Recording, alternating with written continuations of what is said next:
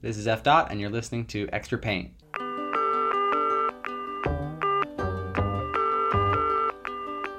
Hey, my name is Eric Friedenson, aka F Dot. Extra Paint is a podcast for muralists, artists, and art lovers of all kinds. In each episode, we'll talk with artists and makers who are truly dedicated to their craft and making an impact in their community.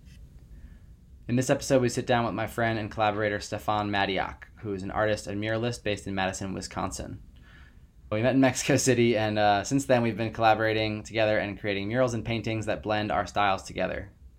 His continuous line work in his art feels spontaneous and playful, which is exactly how I like to treat my art, and I was instantly attracted to his work when I first discovered it. In our conversation, Stefan shares with us the things he's learned about his rituals as an artist, and we also talked about some of the deeper struggles that have led him here. If you want to have a visual during this episode, go check out Stefan's work on Instagram – by following Stefan Matioc. That's M A T I O C and it's Stefan with an F.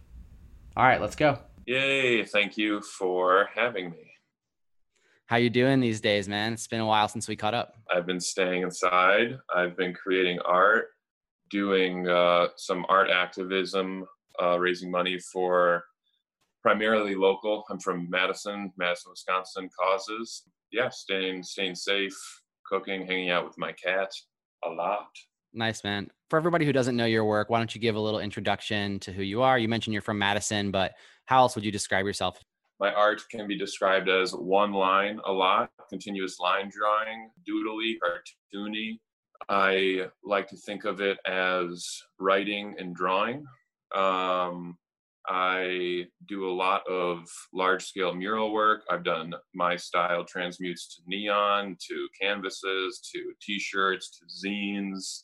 I think the range of stuff that I work with is part of the enticing nature of my style. So I'm not just like a painter or a muralist, but I kind of like to dip in everything I can. I describe myself as a visual artist. That's what I do for my full-time job, you know, freelance uh, commissions or paint murals. I do design work. I started off by working in the advertising uh world as an animator and then I would do my stuff on the side and I just sort of transitioned into a point where I can do this full time. Did you study animation before doing all that stuff? Yeah, so I went to uh our the Art Institutes International in Minnesota for 2D animation. I think a lot of, you know, visually inclined people are scared I don't want to say that. Well, yeah, I mean, I was scared to go into the arts because it's like how do you get paid? So I went into a school that was very focused on this is how you make money in the system you get a job in you know graphic design or animation or something like that so i had it had a very like commercial art focus as a way of sort of giving myself and my parents some security some sense of this this is how this has to go but obviously it doesn't. So you had a couple full-time jobs though after doing that and then you made a jump to freelance? Yeah yeah. I mean i i always was doing like wheat paste and graffiti and drawing on t-shirts and doing my comics and screen prints but I relied on working as an animator from 9 to 5 for like 2 years and then I was the lead animator of a campaign that allowed me to be the animator remotely and that's when I first moved to Mexico and that move was monumental for me it's where we met also as you know yep. I worked as a lukewarm graphic designer for a place that worked with dairy farmers that I was never too thrilled about or like talked about this job but it was a way to get some money consistently. I knew instinctively that if I let it go, I would have my energy to focus more on my own work and uh that was true when I ended up not having that job anymore which happened this year at the beginning of the year. So now I'm officially on my own without any side gigs, you know. It feels like I found my lane for sure. So the thing I love about your journey, Stefan, is that you were always doing these things outside of your jobs and you knew what you liked as well. And it's it stayed pretty consistent over the years. The things that you like to draw on, the, the types of subject matters you like to draw, even the style, like you can see it evolving over time in a in a linear way. I haven't seen a lot of your early animation work, but I I feel like you have such a strong consistency with your hand and with your style and the fact that you were always doing it on the outside of these jobs and it's finally lined up for you where you can do it full time is just like really inspiring to me. And maybe we can talk a little bit about how we met because you mentioned it. I saw your one of your murals in a cafe when I was traveling in Mexico City and I just asked the people behind the counter like who painted the mural and they were like, "Oh, his name's right there in the corner of the wall." Of course it is. Duh.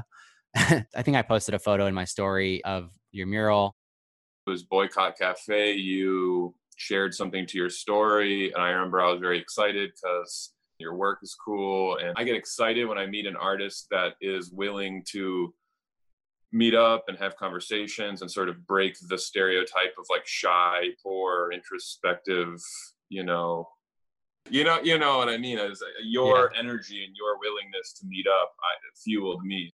That was like a really crazy time and I feel like every time I'd come to Mexico City, I would try to meet up with you after that trip and usually end up crashing at your studio and we'd make some crazy crazy stuff together and we didn't plan any of it. It was just like all super spontaneous. For sure. Yeah, man. I miss Mexico so much right now. So much. You had a pretty good setup there, man. You were living down in Coyoacan, which if anybody doesn't know, it's this magical area in the south of Mexico City. So what was your experience like working there and getting your own studio? Like did you have studios before that or was that your first time? No, that was my first studio and I moved to Coyoacan and it's literally a fairy tale it's like existence there. I remember when I came over to your place that time and we talked a lot about some of your struggles and the reason that you ended up moving to Mexico why did you move to Mexico and and what did you get out of living there?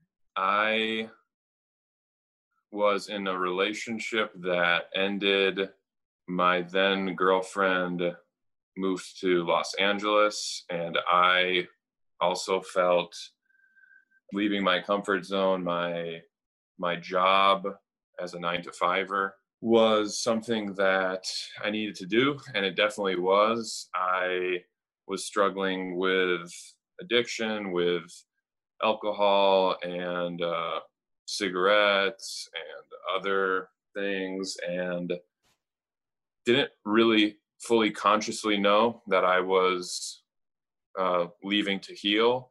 I maybe even at the time felt like I was running away more.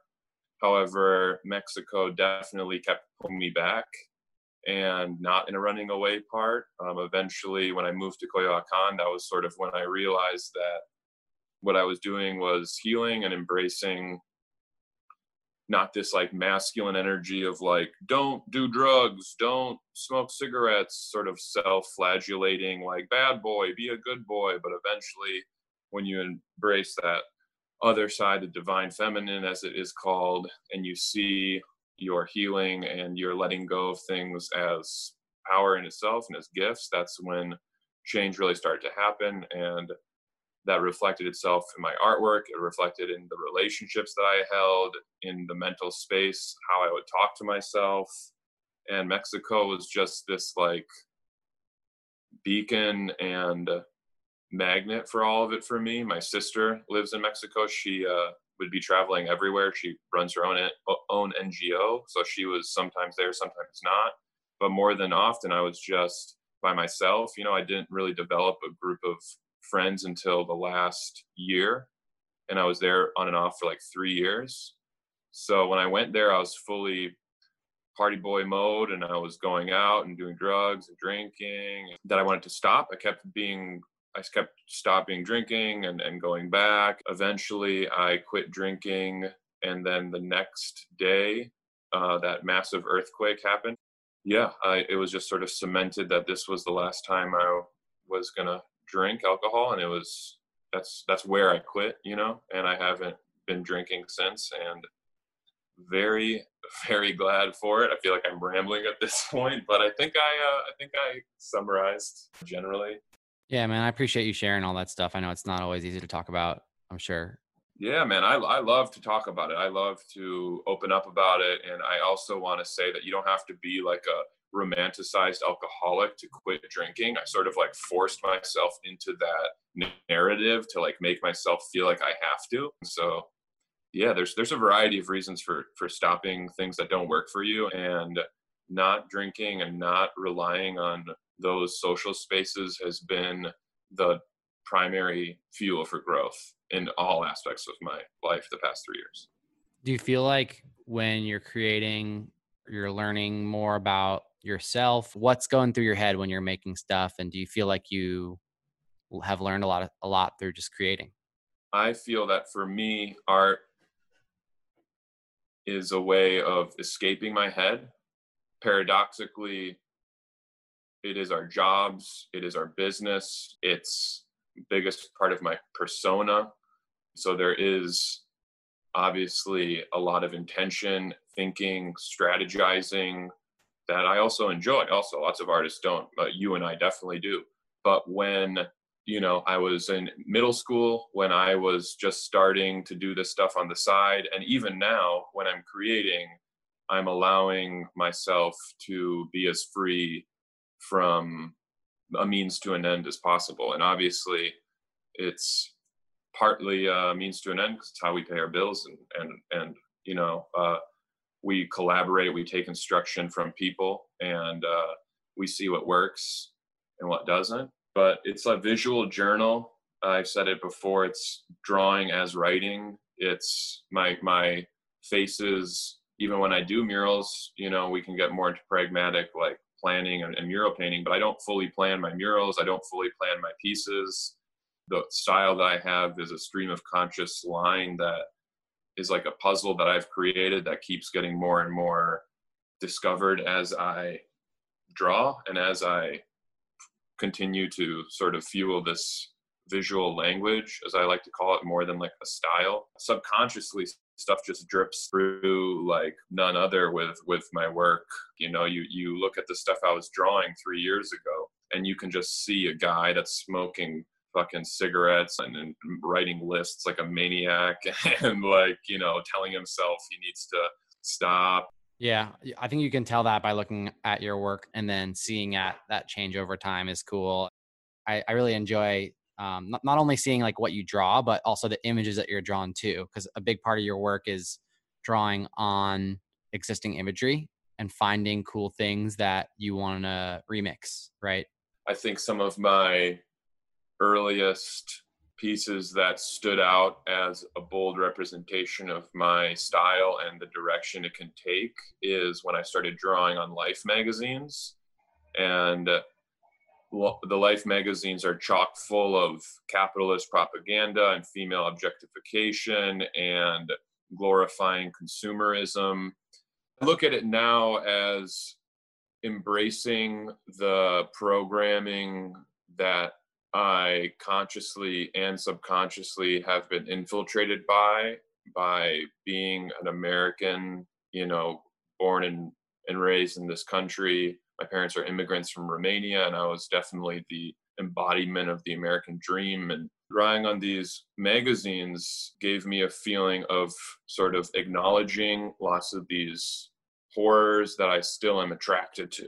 Like you know you perpetuate it by putting it back out there but hopefully it's like recoding it by adding your my layer on top of it. And and I continue to to do that by drawing on top of stuff and those are like my favorite kind of commissions when people have a painting or some like an old poster or something that means something to them. It already carries that emotional energy. So then by already working with that it always makes the piece more special. It turns out in a way i sort of give it more room to to find itself you know? I i found the same thing like through the baseball card project that i'm doing. People have a really strong emotional connection to these cards not just cuz it's their favorite players but it's the card itself is like we're remixing an old vintage card. I, I don't know. Like we've had conversations about this before about what is fan art versus what is remixed art and it's a fine line, but I think like that's one way to to get people to notice your art and to get people to excited about it is to find something that they care about and maybe you also like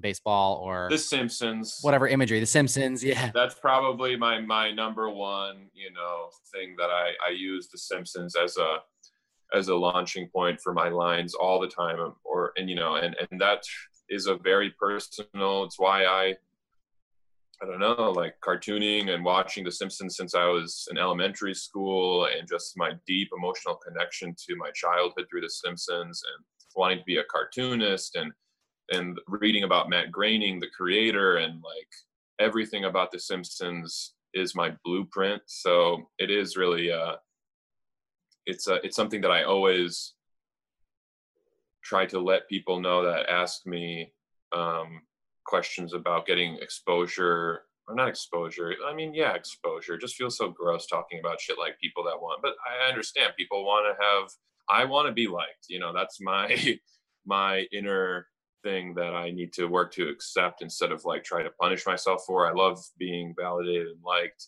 and um i think that you can really get a momentum going when you tag that along with something that you have an emotional attachment to and that others will too so that can be sports imagery or cartoons or movies or anime or yeah, any kind of culture fucking anything yeah and and it'll just sort of really gain that that traction way more. Yeah. I wanted to ask you about being from Madison. Uh no, I was born in San Francisco. My parents immigrated. I was made in Romania, celebration baby of the revolution, and then my mom, pregnant mom and dad moved to San Francisco. I was raised in San Francisco and Milwaukee and then Green Bay and then finally in second grade we landed in Madison. So I was like essentially for all intensive purposes raised in Madison.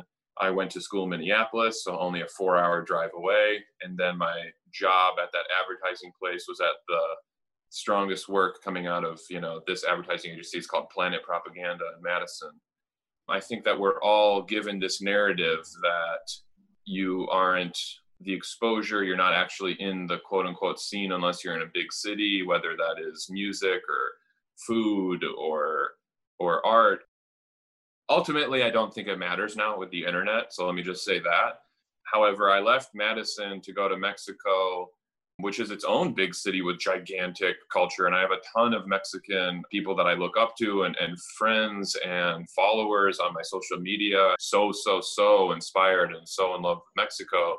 So in a way I did go to a bigger city. I did do that thing. You know definitely I I, I didn't do it with that purpose of of trying to make my move to become a Mexican artist. However um I I moved back to Ma Madison just as like an incubation period. I was going to move to New York. Like I I recently just went on a road trip to New York in which we met up and we created those pieces recently in, in February and I was going to move. I was looking at uh studios in Brooklyn and all that and then I think this is worth sharing what happened to me is that COVID hit and I said okay well maybe you know not in the next month but maybe in a few months we'll see and then uh something happened where I was doing a ton of breathing exercises. Um I do breath work regularly and I I'm into a bunch of rituals and practices that have fueled my art that I can get into more, but for just the sake of the story, I noticed that when COVID hit, I sort of felt my imposter syndrome, which is something that a lot of artists and non-artists experience of feeling that you're a fraud however when covid hit i sort of just started feeling this like getting out of my own head naturally that like art and creation and putting things out there is just in itself beautiful and inspiring and healing and and, and I've got I got more attention and energy and commissions and just felt like I could share more. Um, I go through waves of being able to write about my work and myself and then feeling a type of way about it afterwards. Yep, me too. yeah, for sure. I think we all do. And, and, and uh, to continue on the Madison tip, I decided to stay in Madison and I'm going back to school in a year from August most likely to be a counselor therapist and it's a 2 year program and i sort of realized that i'm you know the the myth of you got to move to new york to be an artist is just something i was telling myself. And i love new york. I might live there one day. For me i i don't know much else. You know i grew up like 30 minutes outside of new york city so i always dreamed of living here when i could be independent. And so it was a bit of a default decision for me, but I decided to go to school in Philadelphia because I wanted to experience a different city before I put put some roots down here.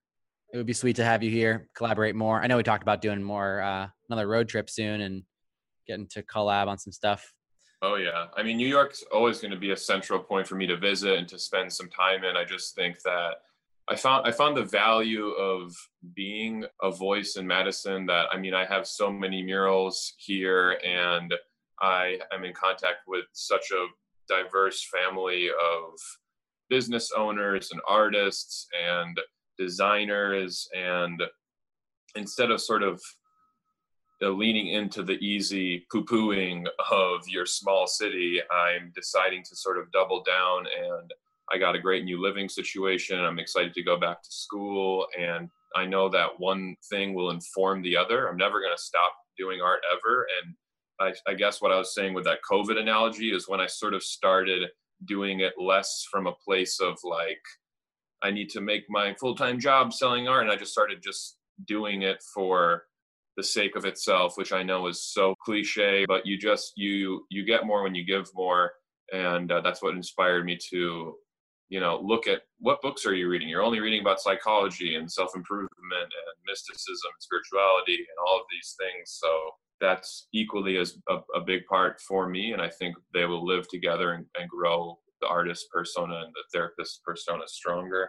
Yeah all that being said i will see you in new york a lot. Yeah i can't wait. I feel like last time we met up we got so much done. Oh i love new york. I want to go so bad. Dude if covid wasn't i mean obviously our absolute uh failure as a as a a country to to deal with what's going on is is just unacceptable to plan anything now or say that I'm coming soon, but I want to come as soon as I as as feels safe, you know.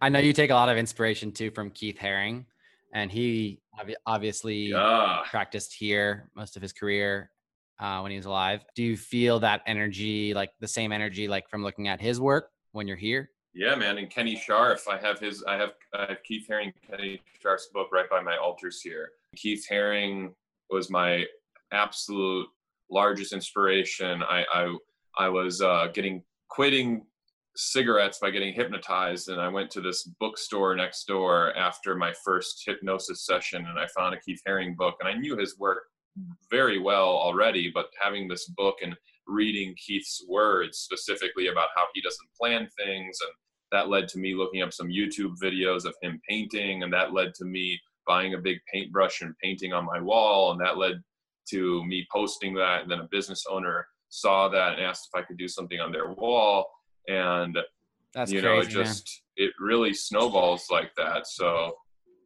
yeah man I love that. I love that. What would you say to somebody who has that itch, has that inspiration, but they struggle in terms of like either a commercial aspect?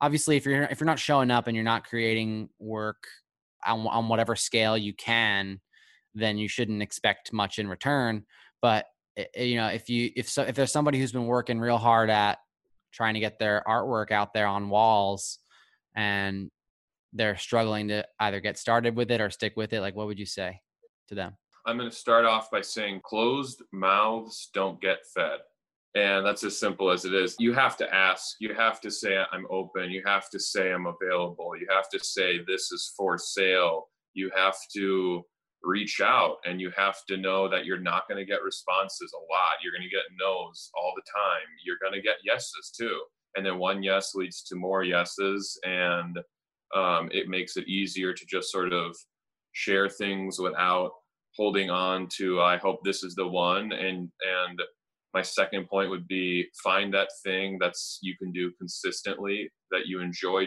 doing that you can see transmuted into murals or fashion design or whatever whatever it is for you creatively you have to have your version of a sketch that you can share especially in today's attention span and rapid fire culture. Uh sketching can be you know posting a video of you talking about your journey if you want to be some sort of coach or or mentor of sorts or it can be you doodling on your uh guitar or or synthesizer if you want this to be something that you transition from a heart place a heart like heart beat like of your creativity and you want to combine that with your social persona find that consistent thing and embrace the uncomfortableness of sharing and embrace the hopefully I'm not going to even say hopefully it'll be a definite reaction that you get from people because if you're doing it honestly from a from a place where you're doing it because you like doing it that energy vibes whatever you want to say gets seen. And getting seen always feels good. It's what we want as people. It's easy for people in our position and our privilege to say that so i'm acknowledging that when i'm saying this. However fuck all of that and just go out and tell people you want to do this and you'll see it come back at you. Yeah, definitely got to put put out things into the universe and things will come back to you. That's honestly how a lot of the stuff happens with me and to make it a little more concrete, I was reading something today and it was talking about like how you shouldn't be consistent and I was like, "Oh, that's interesting. I haven't heard too many people say don't be consistent." So I was reading it. I like a good contrary article. So it was talking about the difference between consistency and persistence talking about how being consistent isn't that interesting if you just do the same thing over and over again. Like, yeah, you can build an audience that way and you can get work if you're consistent. People do like things that are consistent just like inherently in the human nature. We like trusting. We, we we're willing to trust people and companies more when they're consistent. But that also can get boring if you're constantly doing the same thing and being too consistent and too curated and then it loses some of the human quality to it. And so what what he what the author was arguing for was to instead be persistent and don't give up on what you're doing. And so if you can get to a place where you're creating consistently and it's working for you then obviously like you're doing fine. You don't need to take too much advice. But if you're not doing anything that is working really well or or if you feel like you're you're lacking in some area i mean that's actually something i want to circle back on. You, you see what i'm getting at right? I I lo I love this. Yeah. If you feel like you're lacking success or you're lacking followers or you're lacking skills or whatever, it's like that's such a bad mindset to stay in. Like I'm lacking. I'm not I'm not enough. I know it's a natural thing to feel that. So it's okay, but man, like that's exhausting if you feel that every day. So what what I try to think about is to lower the bar a little bit. Don't compare yourself to the person who's on chapter 50 of their career you know you you might not be on a different chapter on a different story. Yeah 100% man. And if you're feeling like everything is lacking and you're not good enough or successful enough it's like question that feeling a little bit. Is it going to be ever enough? You know is that really the place that you should be seeking validation or success from? Or is it something where you got to like maybe look around and see what you already have and be grateful for what you have? I think it's totally cool. It's cool to have goals and it's cool to strive for more but I don't like the feeling of of scarcity and lacking all the time. Yeah, you're you're what you're talking about is the scarcity versus abundance mindset and you know, there's a lot of possibility to spiritually bypass with these ideas when you don't account for things like privilege. However, I totally believe in gratitude lists. I believe in knowing that you are where you need to be and to your point about consistency versus persistence i think that's absolutely correct and beautiful. And stay consistent with your why not your product or your what. And we are living in a culture and in a country where we just stayed consistent with the same bullshit that i was drawing on in the life magazines. You know what i mean? The same uh heteronormative capitalist patriarchal structures. And that's what we're seeing getting burned down and recreated. It's going to take our lifetime and and more to to get there. I believe we will get there. However the idea of not just of consistency being boring it, it's true. And that's why you know switching locations switching cities your styles ways of working taking breaks off social media quitting things that don't work for you, getting new friends, getting new relationships, uh, having uncomfortable conversations. These are all things that are spontaneous and stay consistent and persistent.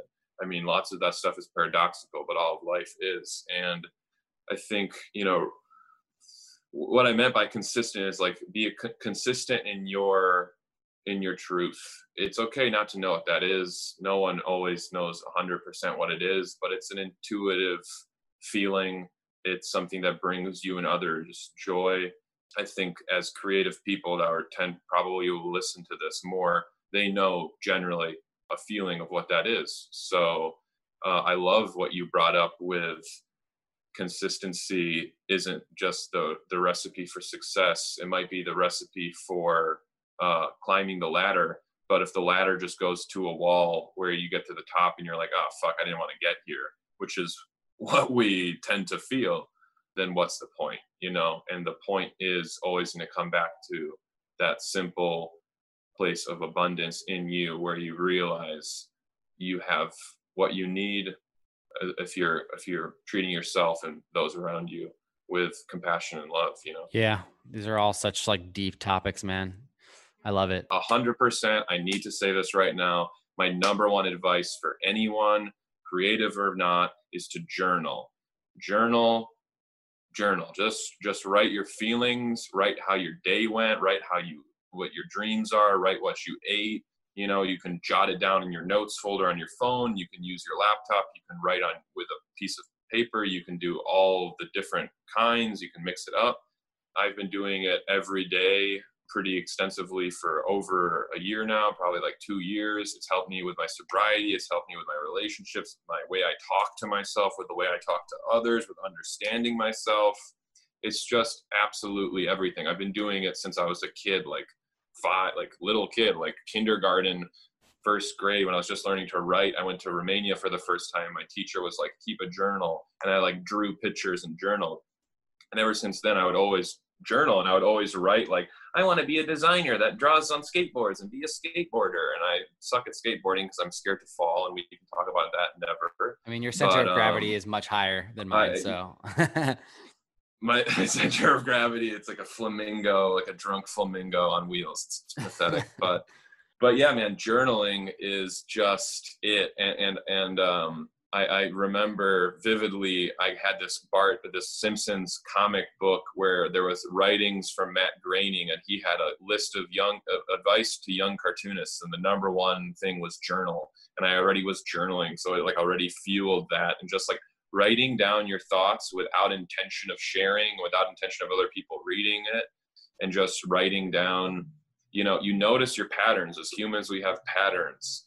And it, it's so so valuable to recognize it and use language to point at it. It's just it's like that and then i would say meditation and treating your body well and uh the the company you keep i suppose are just like overarching advices. Do you feel like you go back and look at those journal entries a lot and learn from them in the future?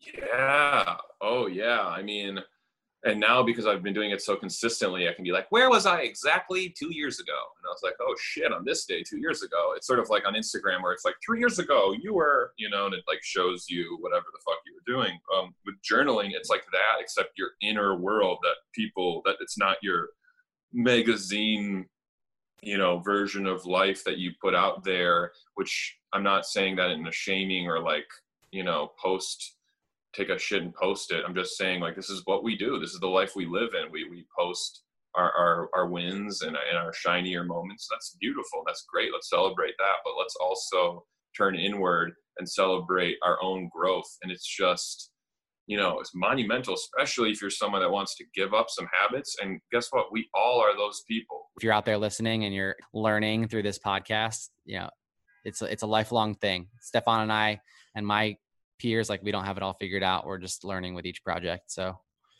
well man thank you for coming on. And we got to have another chat soon about talking more about breath work and some of the other rituals that you do that help keep your creative output going. Um but we'll save that for another episode. Maybe we'll do that one in person.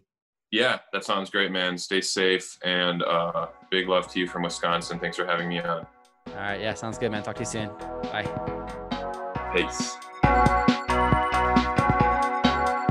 Wow, that was great. Thanks so much, Stefan, for making time to do this. I feel like we need to make a part 2 of this episode next time we're in the studio working together.